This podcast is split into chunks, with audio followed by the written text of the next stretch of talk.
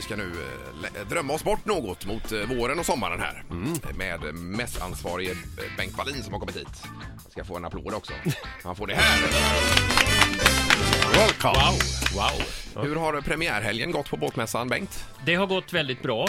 Eh, Vi hade en utställare som i fjol inte sålde en enda båt första helgen. Han har sålt fem Jaha. den här helgen. Så han var nöjd. Vad hade han gjort för, eh, fått en ny plats på mässan? nej, alltså dels, dels lyfter de fram ett erbjudande. Det finns ju massvis med erbjudande på mässan. Och den här utställaren gjorde en lite spännande grej för att köper man en båt så får man en sån här robotgräsklippare på Aha. köpet. Jaha, så där. Vilket ju ger att man får mer tid att vara Ja. ute på sjön. Och att den kan klippa på det medan man är ute Ja, och precis. Det är, väl, det är väl strålande, för det är ju tid vi behöver. Ja, ja, det är ju det. Och, och soliga dagar också vill man gärna ha. Ja, eller ni var ju ute i skärgården i helgen. Ja, så att skärgården är ju fantastisk året runt. Sen kan det ju vara svårt om isen ligger och komma fram i båtar vissa årstider. Men då kan man hyra in sig på en lite större båt där de kan det där. Ja, ja visst. Men du, alltså, båtmässan för i år, är det några trender i år? Ja, vi, alltså, vi försöker ju lyfta fram det man kan göra med båten och det folk har gjort med båten. Alltså vi tar ett större ansvar för vad ska vi säga, innehållet på mässan. Så vi har fem olika scener där man kan få tips vad man kan göra. Eh, hur man får ett bättre båtliv, navigering, eh, tips om skötsel av båt. Allt sånt här. Och sen har vi ju en, vår huvudscen, där det kommer personligheter hela tiden som har förverkligat en dröm. För det är ju ofta det, man, man går och när en dröm. Ja, Och sen så, nej det verkar läskigt och farligt va. Men då kan man ju bara behöva någon som den här killen uppe ifrån Hunnebo strand som eh, gav sig ut på segling ihop med Sven Yrvind.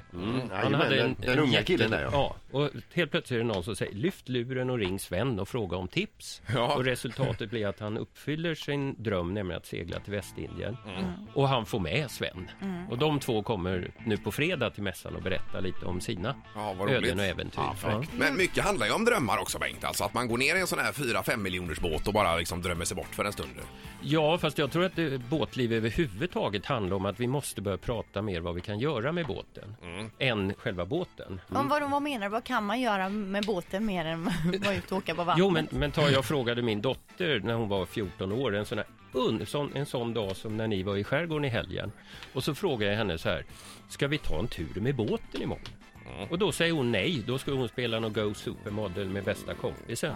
Fast vad jag egentligen ville, det var att vi skulle åka ner till eh, Råö och fotografera sälarna som finns där på kolonin. Ja, ja, ja. Och då tänkte jag så här, hade jag frågat, eller nu frågar jag ju också, ska vi åka till cellkolonin? Och då säger hon, ja pappa, det gör vi. Ja, Jag hade ju aldrig frågat så här, ska vi ta en tur med bilen imorgon om jag ville att vi skulle gå på Liseberg? Nej, just Då det. hade ju sagt, ska vi åka till Liseberg imorgon? Ja, ja. yes, hade hon sagt. du menar att man ska ha ett mål med båtresan Ja, så att men säga? man måste ju fundera på, det är inte båten som är grejen. Nej. Båten är den som uppfyller massa härliga grejer. Om det är att åka ut till en kobbe och bara sitta och grilla, äta en påse chips. Mm, Eller en egen badvik. Eller, eller ta med tältet och övernatta ute på en härlig sandstrand på någon ö i Bohuslän. Det är ju det vi måste prata om. Just det. Eh, Och sen vilken båt man gör detta med är, Strunt samma. kommer i andra hand. Ja. Hur många utställare är det i år? 320. Är det mer eller? Ja, det är ungefär? något färre än i Ja. fjol. Jag tror vi hade runt 340 i fjol. Och hur många båtar är det som står där nere? 325 var det i torsdags natt när vi gick och räknade. Sen brukar det alltid komma in någon sen rackare på slutet som har fastnat i trafik från Polen eller någonting. Men, eh, så att runt 325. Och vilken är den mest spektakulära båten? Det mest spektakulära är en norsk som heter Goldfish 50 Ocean. Som är en, en eh, fantastisk leksak får man väl säga. va? Eh, kostar ganska mycket. Eh, Nordväst Najad som har stora båtar på plats. Prinsess Windy. Det är ju de där spektakulära, de där maximala drömmarna. Va? Ja. Som det ju finns en marknad för. Sen är inte den lika stor som för de här mindre.